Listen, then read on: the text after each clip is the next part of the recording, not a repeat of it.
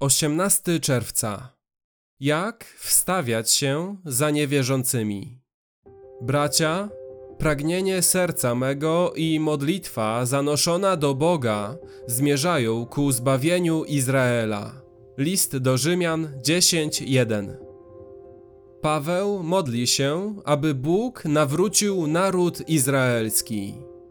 Modli się o jego zbawienie nie modli się o nieskuteczne działanie, ale o działanie skuteczne. I w taki sposób my również powinniśmy się modlić.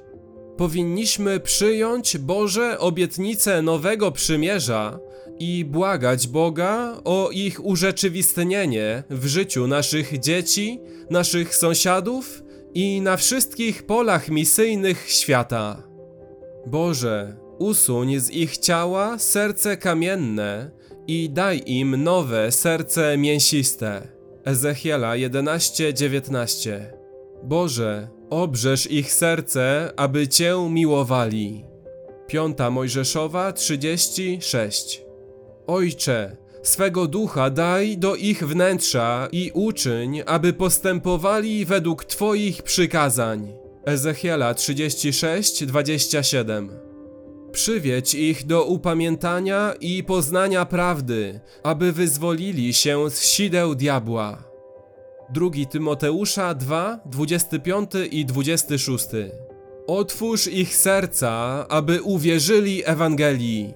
Dzieje apostolskie 16-14. Gdy wierzymy w suwerenność Boga, w prawo i moc Boga, aby wybrać, a następnie doprowadzić zatwardziałych grzeszników do wiary i zbawienia. Wtedy będziemy w stanie modlić się o nawrócenie zgubionych, konsekwentnie i z ufnością wielkim biblijnym obietnicom.